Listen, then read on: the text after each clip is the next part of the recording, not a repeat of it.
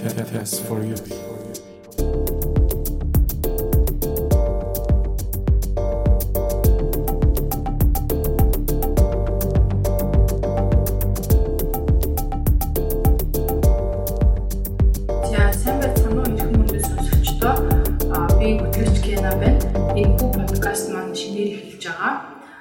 Гей бисексуал залуучууд болон транс эмэгтэйчүүдэд илүү чиглэсэн подкаст болж байгаа шүү гэдгийг хэлмээр байна. Энэхүү подкастынхаа анхны дугаарыг эхэлж байгаадаа маш их баяртай байна. Тэгээд энэ подкастынхаа хүрээнд бол одоо гей бисексуал залуучууд ер нь яаж болцдгийг тэдний онцлог юу байна а, гих мэтэр та бүгдэд одоо сэдвээ хүргэх болно. За манай зочин маань сонсогчдод өөрийгөө танилцуулна. За бүгдээрэнд энэ өдрийн мэнд хүргэе. Бас шинэ дугаарын анхны чичин болж байгаадаас маш их баяртай байна. Бас сонирхолтой санагдаж байна. Тэгээд намайг бол мегмор дорж мега гэж дууддаг юм нь бол мега гэж. За одоогор бол залуус эрүүл мэндийн төрийн төсөө агуулгын гүйцэтгэлээр ажилладаг. Мэдхгүй хүмүүс ээж магадгүй. Гэхдээ сонсогч нар маань ер нь мэдчих шаардлагатай гэж би боддгийг. За манай байгууллагын хувьд э, 2003 онд байгуулагдсан ийм үйл ашигын бус нийгэмд үйлчлэх төрийн бус байгууллага Гол чиглэл зорилго нь бол яг энэ өнөөдөр бид нэр ярих гээд байгаа гей bisexual ихтэйчүүд мөн транс эмэгтэйчүүдийн асуудлаар за голчлон эрүүл мэнд тэр тусмаа бэлгийн эрүүл мэнд бэлгийн боловсролыг дээшлүүлэх бэлгийн эрүүл мэндийг мэдлэг олгох чиглэлээр үл нэлээ гол төлөв үйл ажиллагаа явуулдаг ийм байгууллага. Тэгэхээр одоо энэ байгууллага хаана байдгийг, ирээд уулзч болт юм хэр чөлөөтэй байдгийг Манайх ч сансарт байрлалд шүү дээ. Адлаа. Ер нь чөлөөтэй шүү дээ. Заавал гей bisexual trans эмэгтэй гэхгүй ер нь хинч байсан те энэ зэдвэр ойлгоё. Энэ чиглэлийн хүмүүстэй танилцсан нөхөрлөе те. Бүрийг нь тэлий гэж байгаа heterosexual straight оюутан залуучууд ч байж болдог. За яг гол чиглэж байгаа залуучууд маань өөрснөө ирээд яг өөрийнхөө өөртөө адилхан дурлалтгсан болцоо залуугаа олгочаач гэсэн ирж болоо. Энэ дээр үлээс чөлөөтэй өглөө 9 цагаас орооны 20 цаг хүртэл залуус бүтэн сайн амардаг. Бусд үед бол нэлээ ингээл хүмүүстэй байж лээдэг юм байна. Тэгэхээр Grand Plaza-д байрладаг. За илүү тодорхой хэлэх юм бол баруун дөрөнзөм Grand Plaza-гийн 15 давхарт. За ер нь одоо яг энэ олон нийтийн онцлог нь юу байна? Одоо яаж болцож байгаа юм шиг танд анхаарч чинь тий? Тэгэхээр миний хувь хүн талаасаа ч гэсэн одоо энэ асуудлыг ярихын тулд эхлээд би яг өөр дөрөв бас дүгнэлт хийж эхэлсэн л дээ. Би чинь 2008 оноос хойш яг энэ чиглэл рүү vegan gay bisexual trans эмэгтэйчүүд рүү чиглэж ойрхон ажиллаж эхэлсэн. Тэр маань ч гэсэн өөрөө бас утга учиртай байсан тий. Өөрөө бас энэ чиглэлийг хүн учраас ийм гей залуу байсан учраас өөрийгөө бас нээх Монголд ер нь ийм амьдрал хэр байдгийг хүмүүс яагаад зарим муу хэлдэг ер нь зөв ч юм уу буруу ч юм уу судалж үзье те нээж үзье би ер нь өөрөө буруу юм хийгээд байгаа юм зөв юм хийгээд байгаа юм гэдгийг харахын тулд миний хамгийн ихний ойрт хойрхон байх зүйл бол энэ байгууллага байсан л да тухайн үе судалж үзээд 2006 7 оноос л эхлээл энэ чиглэлийн зүйлийг өөрийгөө мэдэж эхэлснээс анзаарч эхэлснээс эхлээл судалж эхэлсэн л те яг хүн ер нь бол миний мэдхийн гээ залуучуудын хувьд бол анх өөрийнхөө бэлгэмчиг баримжааг мэдэрч эхлэхдээ бол хамгийн ихлэ сексэр мэдэрдэг л дээ те хэнийг хүсэж जैन те юу хүсэж байгаасаа эхлээд мэдэрдэг. Яг тэр зүйлээсээ анзаарч эхлэхэд би яг ийм хүсэж байгаа маань өөрөө ер нь зөв юм уу буруу юм уу гэдэг дээр л би хүмүүс л тэр үед л уусаа буруу гэдгийг хэлжсэн те хэрвээ хүн нэг асууч юм бол чи юу яриад байгаа юм те ийм байж болохгүй ч гэдэг юм уу? Мэдээлэл хайгаал оронгуутал ер нь л хар тал ийм гарч ирэл. Тэхийн тулд яг өөр дөрөө дүгнээд судалгаа судалгаа хийж тийм мэдээллийг хайж олъё гэж үзсэн тэгээд байгуулалт ирсэн. 2008 оноос өнөөдрийг хүртэл яг энэ байгууллагт энэ залуучуудад ер нь зөв юм байна шүү дээ. Энийг зөв талаас нь эхлээд зөв явуулаас зөв эхэлж явах юм бол цаашдаа бүх зүйл сайхан болох юм болоо гэдэг үднэс л бас нэг хүнд ч гэсэн нэмэр болчих тус болчих гээл ингээл хичээгэл явж байгаа. 2008 оноос гэхээр ч бүр одоо 12 3 жилийн өмнөөс л ажиллаж эхэлсэн юм шүү дээ. Тий одоо ч 12 жил болчихлоо шүү дээ оруулж. Энэ хооронд ер нь одоо энэ олон нийтийн хувьд хэр одоо их ахиц твшилт гарч ийн тэр үед хүмүүс хэрхэн болцдог байв те хэрхэн бие биенээ олдог байв одоо яаж юм Яг нэг өөрчлөлт гэдэг зүйл чинь ингээд яг э, би чи ингээд яг дотор нь яваад 12 жил болчихж байгаа шүү дээ. Тэгэхэд яг нөгөө юмны өөрчлөлт чинь шууд ингээд өнөөдөр босонгууд маргааш пак гэдэг өглөө болонгууд ингээд нэг хар байсан цагаан болцсон шиг өөрчлөлтийг дээ. Өнөөдөр яг ингээд 20 он 12 2008 онтой харьцуулбал амар хасар их өөрчлөлт гарсан. Тухайн үед чинь хэдхэн бүлэг хүмүүс л одоо миний яг анх би харахтаа за энэ нэг 20 30 хүн Өсрэл цаа тэрний хойно ахаад нэг 20 хүн байна ингээд 40 гээ залуул байна даа л гэдэг ойлголт ерөөсө тэр үед байсан шүү дээ. За энэ 40 л ингээл стан би нэг сольж уулзаал ингээл те нэг юм нэг 3 4 жил юм болдсон болол гэсэн бодолтой байс надад ч анх тийм сэтгэл төрж ирсэн. Яг бол тэн танилцсан хүн маргааш нь тэндээс ирээл тэнд явж байсан чи чи дэр байсан гэл ингээл нөгөө над руу ирж байгаа тэр залуучуудын хандлага яг тийм бодлыг төрүүлж ирсэн л да яг би өөрөө яг эхлээд нөгөө хитрхи жижигхэн хүрээнд орсон болооч тийж бодсон юм идэхгүй. Одоо өнөөдрийн байдлаас харахад маш их өөрчлөгдсөн. Яг мэдээлэл авч байгаа сувг нь ч өөр өөрчлөгдсөн байна. Нийгмийн хандлага нь ч өөрчлөгдсөн байна. Мэдээлэл авах орчин үр асар том болсон байх учраас бол гэтэл яг ингээл яг судлаа шинжилгээ хийвэл Монгол 50000 хүн байх хэвээр 15000 гээ залуучууд байх хэвээр 5000 7000 нэг төвтэй амьдарч байна. Цаана үлдсэн 7000 ингээд за яах вэ те ямар нэгэн сэтэл өгвөл юмхүү амьдралаар амьдрандаа ч гэдэг юм уу хүлээлттэй жоохон далд байдал байна гэж бодохоор бол асар их хүмүүс байгаа даа. Тэгэхээр бол бас гээ залуучууд боломж те би нэг олох болцох боломж. Жохон тэр нэг 5 10 хүн өөрсдөө мэддэг хүмүүс жоохон гараад арах юм бол асар их боломжтой юм л гэж хараад одоо айгуу тийм гэгээлэг хардаг болсон шүү дээ тий.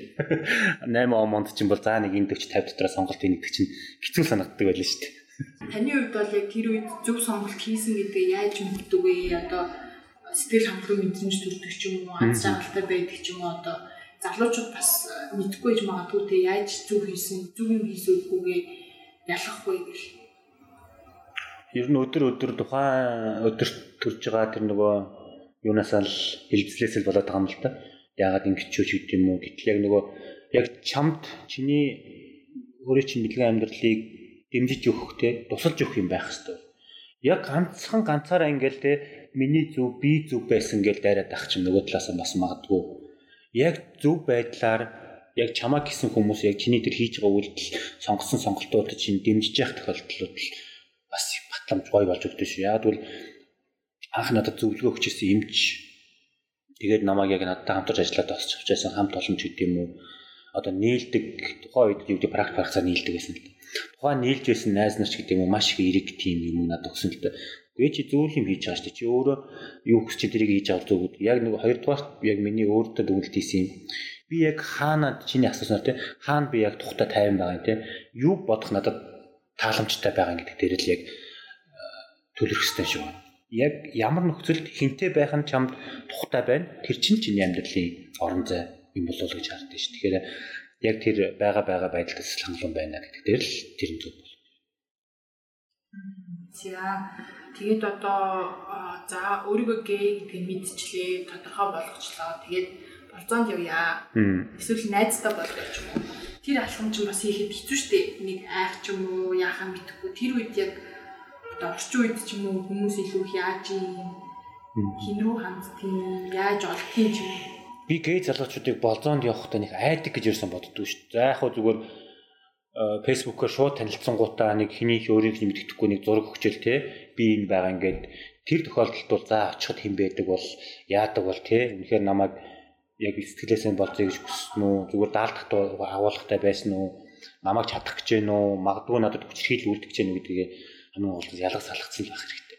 Зүгээр тийм нэг сохор болзоо гэдэг имийг үл аль болохоор л баг л хийх хэрэгтэй. Ер нь бол яагаад гэвэл ямар нийгэм блэ, ямар эрсдэлтэй нийгэм бид нар байгаа вэ гэдэг тэнд очингууд яахыг мэдэхгүй шүү. Тийм учраас тэр яг одоо хөгжсөн шүү. Бидний яг тэр 2005 6 онуудад байсан шиг нэг мессеж л утасл байдаг. Өөр ямар ч тэр хүний царайг харах хин гэдгийг мэдэх боломжгүй үед бид одоо байгаа шүү дээ. Одооны залуучуудын хувьд маш их асар боломжтой шүү дээ зургийг харж байна. Ориг фэйсбүүкээр нь чаталж болж байна. За бүр болохгүй бол тэгээ voice call юм тэр хийгээ те. Видео чат мат хийгээд би нэгэ харж болж байна. Илүү л би нэгэ мэдрээд тэндээс илүү би чиний энэ татгадаж болонд очиж байна. Чи миний энэ татгад очиж байна. Хоёлаа яг ийм зүйл дээр нэгдэж шүү гэдэг тэр үнд зүйлээ би болгочоод болцоондоо явах илүү чухал юм болов. Магадгүй 2007 8 онд бид нар чинь чатаа танилцаад нэг утастай. Өө тэр утас нь бүр нэг юм нэг алтан боломж шиг те. Нөгөө утасаа ингээл хэвээр мессеж хичээл аль талтай өндөр нам жингээл яг тэр хэмжээнд ингээл үнэлээл а энэ иймэрхүү хэмжээний хүн авч ирэн шүү. Тийм өндөртэй хүн ирэн шүү л гэдэг ийм харанхуй багцаагаар л болддог байсан үеийг л одоо аюу алт гэгээлэг болсон биз. Тийм мэдээж хүний хүн сексийн зорилго байгаа агуулгадж байгаа болзорны эхлэлийн магадгүй 30 40% нь сексийн сонирхолтой л бэлгийн чигээр хүсийн баримжаа илэрхийлж ямар байх нь хамаагүй зөвхөн тэр сексийн мэдрэмж сонирхолтой л тулгуурлаж болзоо эхэлж байгаа шүү дээ ер нь бол.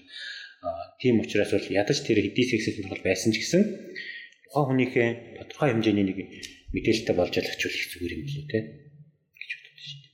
За одоо ингээд нөгөө бэлгийн амьдрал гэдэг аюул том бас хүний нэг хэсэг байгаа шүү дээ. Тэгээ энэ дээр бол одоо энэ олон нийтийн бэлгийн амьдрал ямар гэдгийг яаж тэрийг одоо зохицуулдаг юм ч юм уу саний бас хэлбэр нөгөө секс хийх гээд уулзлаа гэхэд бас юу юу анхаарах хэрэгтэй гэдэг. Бас сайн тал нь юу юм ч юм те. Бэлгийн амьдрал гэж ирэхээр миний нэг би өөр яг бэлгийн амьдралын чиглэлээр мэрэгчсэн одоо сэтгэл судлаач гэдэг юм уу яг бэлгийн амьдрал сексологч гэдэг юм уу тийм хүн биш. Яг л би яг энэ ажилд ороод яг надад хамгийн их тулгарсан зүйл болохоор чи бэлгийн амьдралын талаар мэдэх ёстой шүү. Чи зүгээр нэг хэдэхэвэ ч юм уу бэлгэчний хэрэглээ яриад байх биш. Энэ бүгдийг ярихын тулд чи хүний бэлгийн амьдралыг судалсан байх ёстой гэдэг ерөөсөө нэг ганц том юм тулгарч эхэлсэн. Тэгэхээр би энэ бэлгийн амьдрал гэдгийг судалж үзэх юм байна. Заавал академик боловсрол биш ч гэсэн практик дээр тэ энэ бэлгийн амьдрал чинь яг ямар боломжтой байдгийг, яаж өрөндийн, юуны төлөө байдгийг гэдгийг л мэдчих. Тэгээ хүн бэлгийн амьдрал гэдээ ярихаар ганцхан ингэж секс бодоод байдаг. Тэгэнгүүт бэлгийн амьдрал чинь бүр ингэж бүр хүн төрхөөс өсвөлээд насан эцлэх хүртэл тэр хооронд бүхэл зайг ингээл бэлгийн амьдралагч юм sexuality гэдэг сүүл манай монголчууд очилт хэрэгтэй бэлгийн зам буйлан ч хэлсэн байсан тий. Аль болохоор яг хүний нөгөө нүд чихэнд буулгахын тулд илүү өрмөц нэр сонгоод байгаа юм л да. Тэгээ яг нийтлэг нэрч нь бол бэлгийн амьдрал гэдээ нэрлэж байгаа. Энэ өөрөө маш том ойлголт. Тэн дотроо яг гээ залуучуудын бэлгийн амьдрал гэдэг бол бас их сонирхолтой зүйл гарч ирдэг. Яг бол энэ чинь тийм төдийлөн судлагдсан зүйл биш. Яг хүмүүс нөгөө яг ингээд зориг болгоод судалсан зүйл нь бол яг өнөөдөр яг секс дээр яваад байгаа байхгүй. Гээ залуучуудын амьдрал гэхээр секс талаас нь судалсан. Гэтэл яг тэр бэлгийн амьдрал гэдэг байгаа тэр хүний амьдрал байх хэвээр зүйл гэдэг талаас нь бол төдийлөн хүмүүс судалж байгаагүй байдаг учраас миний нэг талаас нь заавал нэг гээ залуу, гээ секс, гээ амьдрал ярихдаа илүү ер нь бүхэлдэн бэлгийн амьдралыг авч үзэх гэдэг тийм нэг том зорилго надад байсан. Одоо хүртэл судлаад бас явж байна. Тэгэхээр залуучуудын бэлгийн амьдралын хувьд нэлээд бүхэмж байдаг. Дээр нь тэр хайр дурлал, болзоо, секс тэгээд тэр за тэрний араас нь дур тавилч гэдэг юм уу те таашаал авах байдал аль замаа бэлгийн авдалд орж जैन те. Тэгээд бүр актив пассив универсал гэдэг маань хүртэл өөрөө ингэ судалгахын хутган болоод ингээд судлагдаад явж байгаа учраас энэ ч өөрөө маш их том зүйл болж байгаа юм л да. Зүгээр нэг гээ залуучдын бэлгийн амьдрал гэхээр нэг шодоо нэг анус гэж бодох бол энэ бол биш юм а тий. Хүний бэлгийн амьдрал ялангуяа гээ залуучдын бэлгийн амьдрал маш шүүхэн бай тий. Ганцхан тэр хоёр биологийн эрхтнэр хязгаарлахдаггүйгээр л бэлгийн амьдралыг өргөнөөр нь харж судлах зүгээр юм болж байна. Манай одоо сонсогчдыг залуу хүмүүс байгаа учраас яг хоёр зүйл дээр л одоо асууя гэж бодож байна. Мэдээж энэ том юмыг ярих юм бол өнөөдрийн подкаст маань одоо дуусахгүй шүү дээ. За нөгөө актив пассив дээ верс гэлдэгдэн шүү дээ. Тэр нь яг юу юм одоо тэрний талаар юу мэдэх ёстой юм? Энэ өөр ялч үгээ залуучуудын бэлгийн боловсрал дээр хамгийн түрүүнд орж ирэх зүйл л дээ. Энэ бэлгийн боловсролыг төдийлөн бас 10 жилийн сургуульч гэдэг юм үү те. Би эрүүл мэндийн хичээлээр бол ороод авах боломжгүй. Яг л хүн өөрөө гээ залуучуудын шугамар, гээ залуучуудын тэр клуб, магадгүй кино тэр сургалтуудаас олж авах зүйл л те. За хоёрдугаарт нь тухайн хүн өөрийнхөө яг нөгөө амьдралынхаа явцаар өөрөө мэдэрч явах те би яг ямар бэлгийн зан үйлээр таашаал авч байна. Хүний бэлгийн амьдрал, дээр нь бэлгийн чиг баримжаа, бэлгийн зан үйл гэдэг гурван зүйл бэлгийн амьдралаас салбарлсан те хүний бэлгийн чиг баримжаа хэнийг хэнийг хүсчийг хэн татгадж байна. Бэлгийн зан үйл хэрэг шал өөр болоо явчихна. Юунаас таашаал авч байна, яаж таашаал авч байна гэдэг хоёр зүйл. За төгөөсөн баримжаа илэрхлэх бүр өөрөө те өөрийгөө хэн бэ гэж мэдэрч байна гэдэг онцлог онцлог зүйлтэй. Дээр нь яг тэр бэлгийн зан үйлтэй холбоотойгоор ямар байдлаар таашаал авч яана гэдэг зүйлийг л ярьж байгаа юм. Заавал хүн болгон төрөлхийн 100% пассив, 100% bottom, 100% universal байх боломжгүй. Ямар ч үед энэ үйл өөрөө өөрчлөгдөж яадаг. Бэлгийн зан үйл гэдэг чинь өөрөө ер нь тодорхой хугацаанд өөрчлөгддөг, буцаад хэвэндээ ордог, ахаад өөрчлөгддөг зүйлийг л зан үйл гэдэг юм. Зан үйл баримжаа хоёр юугаар ялгаатай гэхээр төрөлдөх юм байдаг, өөрчлөгддөг гэдэг хоёр юм яриад байгаа. Тэгэхээр бэлгийн зан үйлдэл тэр active passive гэдэг зүйл дээр top bottom гэдэг. Тэр зүйл нь өөрөө ер нь л зан үйл. Тэгээ хідээч хүн заавал би ерөөсөө л 100% ингээд bottom юм билээ.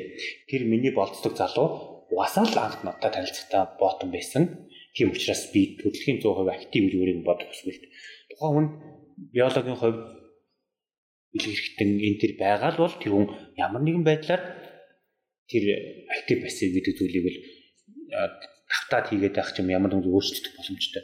Хүн ерөөс ингэ өөртөө баригдчихдаг юм шиг байгаа. Ялангуяа одоо энэ хаалттай ийм хөгжиж буй нийгэмд амьдарч байгаа энэ гээ залуучууд ингэ төгжчихдэг. За за би ингэх юм болов. Одоо юу гэдэг нэг зал гайз найзлуутай би юу гэж найзлуутай хостой хүмүүсийг өөр юм хийж үзээсээ өөр хүмүүстэй уриалж байгаа юм биш л те. Ер нь хүний бэлгийн амьдрал чинь баялаг шүү те. Туршаад үзэх хэрэгтэй. Цаашаа бас илүү ингэ тэмүүлж явах хэрэгтэй. А тэр нь яг хоёр биенийгээ олцсон хоёр хос байлаа гэхэд бэлгийн амьдралаа итгэх илүү сонирхолтой болгохын тулд тэр зан үйлүүдээ өөрчилж явах хэрэгтэй. Зүгээр л нэг анх танилцахтаа л топ ботом байсан гээл ерөөсөн тэр туршлаараа тэрийгэл зүгээр очиод тий чи угасаал ботом Тэгэл ингэж байгаа бол магадгүй тэр бэлгийн зан үйлийг жоохон өөрчлөөд шинэлэг болгоод үзвэл те миний хайр те жоохон ийм болоод үзтээ боломж байна уу? Хайр нь ингэж үзье. Миний хайр боломж нь нэвтэйхэн байдал нь ямар байна гэд байнг ингэж энэ амьдрал дээр ингэж туршил хийж явах хэрэгтэй болж байна. Тэгэхгүйгээр манайхан чинь нэг ийм нэг уламжил сэтгэлгээтэй. За энэ ботом гэсэн эмгтээлэг ийм л байх хэрэгтэй гэдэг. Өчи ботом юм чинь баргалж миний ихнэр те ихнэр шүгэ бос гэр цэвэл ая тангаа угаа би ботом би топ те хөвтчих хоол аваад дэр гээд энэ ойлголт үндэслэг нөгөө яад бол уламжлалт ийм хайрцагцсан нийгэм бид нэр ихтэй эмгтэл гэсэн нөгөө маскулинити энэ ойлголтоор амьдраад байгаа. Тэр ойлголтыг шууд нийгэмдэр гээ амьдрал дээр авчирч найлаад байдаг хөөх. Энэ өөрөө болохгүй бид нар юмыг сөрж шинэлэг зүйл бүтээх гэж байгаа бол бүх зүйлийг л шинэлгээр хийх хэрэгтэй. Заавал манай аав ээжээр те ээж хоолоо игээл аав суужаад иддэг. Ээжийг хүсэхгүй бол аавыг хүсэхгүй ээж секс хий гэж ерөөс хэлж болохгүй. Ийм юм байж болохгүй байхгүй. Ботмод ч гэсэн ихлээр санал тавьж болно. Тэ топод нь заавал дандаа ингээд нөгөө нэг юу гэдэг үлээ нэг эзэн байх ботмод нь дандаа нөгөө нэг гүйтгэгч байх гэдэг юм ерөөсө бодож болохгүй юм болоо. Тийм болохоор актив пассив гэдэг ойлголтыг жоох өргөн бодож байгаарай тэ тэр зүйлээс. Ч одоо яг секси байрлал гэж хэлэх нь зөв үү? Ернүүд байрлалч позишн байрлал гэж ярьж байгаа. Ер нь угаатаа бол зан үйлэлтэй одоо яг энэ топ ботом гэдгээр нэрнгээсээ бас хайрцагт гаддаг тийм охид дээр ч гэсэн харагддаг одоо юу гэдэг жоохон эмгтээлэг юм бол энэ ботомлж тараач юм уу тий тэгтэл нөгөөд чинь бол заавалчгүй бас октод ч гэсэн тэгж хайрцаглаж болохгүй. За одоо тэгэхээр зарим хүмүүс бас яг энэ актив пассив топ ботомд нэг юу юм бол гэдэг ойлгоогүй ч магадгүй. Энэ дээр товч тайлбар чинь тий нөгөө яг э, юунаас шинжлэх ухааны үүднээс үл яг нөгөө одоо оруулж таашаал авах гэдэг зүйл яриад байгаа юм л да. Яг гээ залуучдын хувьд бол э, бэлгийн зан үйл бэлгийн одоо биологийн хувьд бол тийм мэдээж хэрэгтэй л юм чинь те шодоо анус гэсэн л зүйлүүд байгаа шүү дээ. Мэдээж аман секс, орал секс орж ирнэ энэ бол бас нэг шалшгүй нэг хэсэг. Ялангуяа гээ залуучдын хувьд бол бэлгийн зан үйл хувьд бол нэлээд дээгүүр ордог орал секс.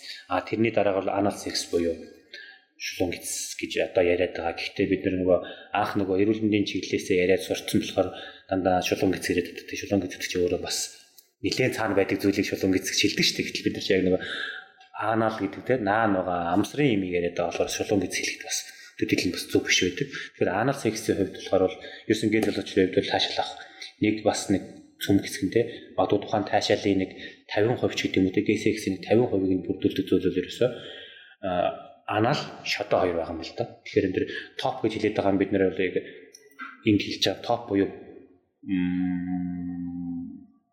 нөгөө товч монголоор юу гэлээ актив.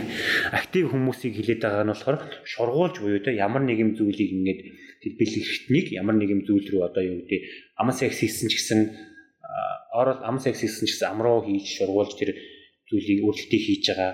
За шулуун гэдний бэлгийн авдлын үед шургуулагч буюу те нөгөө ботом гэд яриад байгаа залуугийнхаа анаал руу одоо амар нарийн тайз уучлаар мэддэг хүмүүсийн хувьд л те юу багангийн хүүхд юм яриа та шиг ярьж гэж бодож магадгүй. Анх эхлээ сонсож байгаа хүмүүсийн хувьд бас магадгүй мэддэг те. Тэгэхээр бол топ буюу актив гэдэг маань одоо шургуулж буюу те тэгж бэлгээ адил таашаал авдаг хүмүүсийг хэлж байна. А ботом буюу пассив гэдэг нь хүлээн авах байдлаар тий. А гэхдээ манайх ярихтаа эргэтэйлгүй эмгтэйлгүй гэж ярьдаг. Энэ дээр bottom top дээр эргэтэй эмгтэй гэсэн ерөөсөө юм яригдмаар байгаа байхгүй. А би хүнтэй танилцуулгуудаа чи аль талтай бигэнгүүд нь би bottom буюу пассив гэдэг нь а чи эмгтэй л юм уу тий эмгтэй байдалтай юм уу гэхээр тэр шал өөр бүр ойлголт бол явчих юм л да. Тэгэхээр эргэтэйлгүй эмгтэйлгүй гэдэг асуулт бол ер нь бэлгийн дан үйл дээр ярихдаггүй. Хоёр эрэгтэй хүний хоорондох харилцаа явж байгаа чинь хоёр эрэгтэй хүн л байгаа. А зөв хүлээ авах шургуулах гэдэг л үйлдэлийг яриад байгаа даа актив пассив тэгээд ихтэй эмхтэй нөгөө жоохон нэр томьёог нь мэдхгүй хүмүүс чи тэр ихтэй талтай юм уу эмхтэй талтай юм уу гэдэг юм яриад эмхтэй гэдэг ойлголт нь тэр пассив гэдэг ойлголтыг төлөөлөөд ихтэй гэдэг ойлголт нь тэр топ бот актив талыг төлөөлөд байгаа ойлголт юм шиг байна. Тэгэхээр ойлгохтой бол ер нь бол ихтэйлэг эмхтэйлэг тал гэхээсээ илүү яг нэр томьёогоор нь актив пассив буюу те топ бот мөр нэрж явах зүг болох. Тийм верст гэдэг нь болохоор хоёулын гэмт. Тий ер нь бол универсал буюу те ер нь бол яалч бэлгийн зан үйлийг хийхэд тохиромжтой байдаг, таашаалтай байдаг гэсэн үг үү. Зарим тохиолдолд мэдээж анаал бол шулуун гэдсэндээ ямар ч мэдрэмжгүй те тэндээс ямар таашаал авдаг хүн байдаг. Гээ залуучууд бүгд ямар одоо анаал шулуун гэдсэнд орчимд мэдрэмжтэй таашаалтай байх албагүй. Тийм бүр үнэхээр тэрэндээ хүрэх чаддаггүй, хүрэх дургүй хүмүүс байдаг. Одоо юу гэдэг бадгүй өөрийг бүр төрөлхийн би топ хүн гэж хэлэх байх л та. Тийм зан үйлтэй хүмүүс байдаг. Тэр үл сэтгэл асуудал л та. Яг тархиндаа л тэр өөрөө энд дэрөөсөө хурж болохгүй би энэгээр ямар таашаал авахгүй л гэх тэр хүн өөрийгөө бодцсон хүн байгаа та. Тийм учраас л тэр хүн хүний яг нөгөө тааламжтай байх байдлыг нь л бид хүлээн зөвшөөрч тэн дээр хоёр харилцсан эвтэй байх хэрэгтэй. За одоо тэгээд аа секс хийхээр боллоо. Тэгээд харилцан зөвшөлтөө заах гэж юм уу би бэлэн болчлоо гэхэд бас юу юу анхаарах хэрэгтэй нэг тийм чеклист байвал хийлүү те. Эн чин зүгөөрөө эн чин зүгөөрөө одоо нөгөө юм авсан ч юм уу те. Тийм миний яг бас л залуучууд өгдөг манай байгууллагаас зохион байгуулдаг бэлгийн эрүүл мэндийн сургалтанд зайлшгүй орж ирдэг нэ бэлгийн ариун цэвэр гэдэгт орж ирдэг. За мэдээж хоёр хүн таалагдлаа би нэг оллоо. А тэр тал мал нь таарлаа те. Гоё байлаа за хоёлаа ямар нэгэн байдлаар.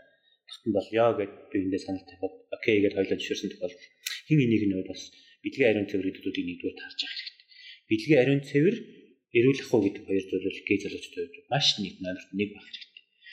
Тэр зүйлийг сахиагүй зүгээр л би энэ дурлсан энэ надад дурлсан татгцсан юм чи яа гэм би тэр болно гээл аа шууд орчтой тэр харьцааг нь 100% өгөө болох боломж төрөж байдаг.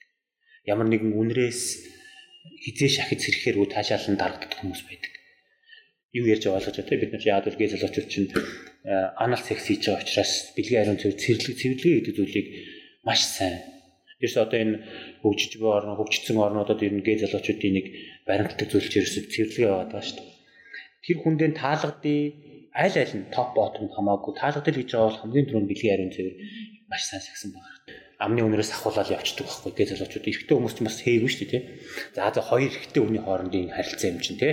Биенээсээ гардаг үнэрийг ойлгомж гэж бодд юм уу зарим хэйгүй тийм мундаг хүмүүс байдаг тий. Хүнтэй болцох чавж усанд чороогүй, амаан чугаагаагүй тий. Ингээл тий. Би би бас тэр тиймэрхүү зүйлүүд үзсэн. Яг ингээд бэлгийн арилд орох гээд ингээд болцоод ирж байгаа мөртлөнгөө бэлгэхтэн дээр нь цагаан юмтайгаан тий. Бов угаагаагүй яг бэлгэхтний ингээд арьсанд хойшиж хамлахаар нөгөө цагаан өнгөр тогтдог тийм юмтайгаа болцоонд иржсэн хүмүүсийг мэдчил таарчлаа. Тэр үед нь аавчлаараа амин найз ингэхтэй байжээ. Энэ удаа найз нь чамд хүрэх ямар ч боломжгүй байна те. Энэ ийм нэг жоох асуудал гарчлаа гингүүд нь тэр хүн мадаж эвүүд эвүүд тэгэл төрдөг л ах л та. А тэр тохиолдолд үнэхээр таалагдсан бол чи магадгүй санаачлаг гаргаа те. Зөвхнээсээ сэлбатик аналатын сэлбатик гаргаад за найзаа хоёлаа жоох ингэчигээд сэлбатик гаргаад арчаад ингэчих бас боломж нөгөө талаас шууд хэлэх шууд хэлэх нь тэр хүнд шууд тэр харьцааг шууд таслах нь л нэг юу л дээ. Үнэхээр таалагдсан тэр харьцаагаа өөрчлөмөр байгаа бол бас тэр нөгөө нэг хүнд нь бас тийм боломж байдаг. Зүгөө удлаад алфабетикаа гаргаад тий цэвэрлээ. За одоо бичих юм уу тиймэрхүү тиймэрхүү зүйлс байж болно. Тэгэл золжуулж байгаа. Солон гэсэн цэвэрлэгийн дээр л гээ залуучууд нэлээд алддаг. Тэрнийг цэвэрлсэн самбалаад эрсэл төртдөг. Яар сандраал шүршүүрээр ингээл цэвэрлээд ирчдэг. Тэр шүршүүрнийх нь дорлтыг нь усны халуун үтний хэмжээ тааруулдаггүй, ширүүн одоо удааныг тааруулдаггүй. Яар сандраал хурдан цэвэрлэхийн тулд хүчтэй ганц хоёр шүршиж өгөөл булхуулж өгөөл гаргацдаг. Тэгэхэд тэр шулуун гэдсний дотор талын хаана гэдэг чи өөрөө яг энэ амны жавжны дотор талын салшцэг зүйл гэдэг. Аа тэр нь ялгаатай нэгэн зүйл нь шингэн зүйлийг сорж авдаг. За бэлгийн ер нь гээ залуучууд дараа нь ярих бах бэлгийн эрүүлэндийн асуудлаар тийм учраас тэр зүйлийг тэр чулуун гэсэн дотор талын ханыг гэмтээхгүй байна гэдэг л ерөөс нэгдүгээр зүйл байна. Яаж бэлгийн арилд орсон байсан тэр хан гэдэг зүйлийг дээр нь чулуун гэсний орчимч өөрөө мэдрэлийн судасны хамгийн олон бөөгнөрөл цэг байж идэг. Хялгсан судсууд ихтэй. Тэгэхээр тэр клизм тавих за тэр э, бэлгийн арилд орж байгаа хүний чинь эрэгтэй эрэгтний чинь хэмжээ хэлбэрээр шалтгаалаад шулуун гэсэнд ямар даралт суналт ургалт үүсгүү гэдгийг бас бодолцож явах хэрэгтэй. Иймэрхүү зүйлүүд ер нь гээ залуучуудад бол нэлээд бас өөрийнхөө эрүүл мэндийн төлөө анхаарах бодох зүйл байдаг. Зүгээр л нэг ингээд уулзаад болчдөг бол энэ асуудал биш. Зөвхөн тэр секси хүрээнд явтал маш олон зүйлийг ярьж болдог л та. Ялангуяа ботом залуучууд тоовчихгүй бэлэвчийг л байн хэрэглэж явах хэрэгтэй.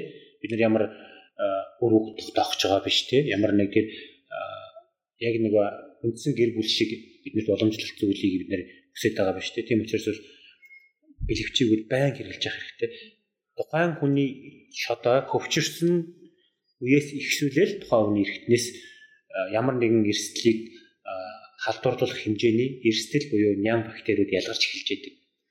Магадгүй зарим хүмүүс боддог. Үрийн шингэн л гараагүй бол ерөөсөө би миний биенээс юм гадагшлаагүй энэ хүний биенээс үрийн шингэн гараагүй юм чинь би халдвар аваагүй гэж үздэг.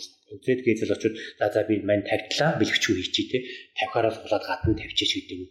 Энэ зүйлээс л эрсэл яваад байгаа. Тэгэхээр маш их цэвэрлэгээ хийгээд чулуун гизийг гимтээцсэн эсвэл тухайн эрхтний хэлбэр хэмжээнээс болоод чулуун гиз ургацсан, тасарсан, хялгсан цуцууд тасарсан байгаа тохиолдолд эрсдлийг тухайн орж иж байгаа ням фактор вирусыг шингэн зүйлс шууд авна.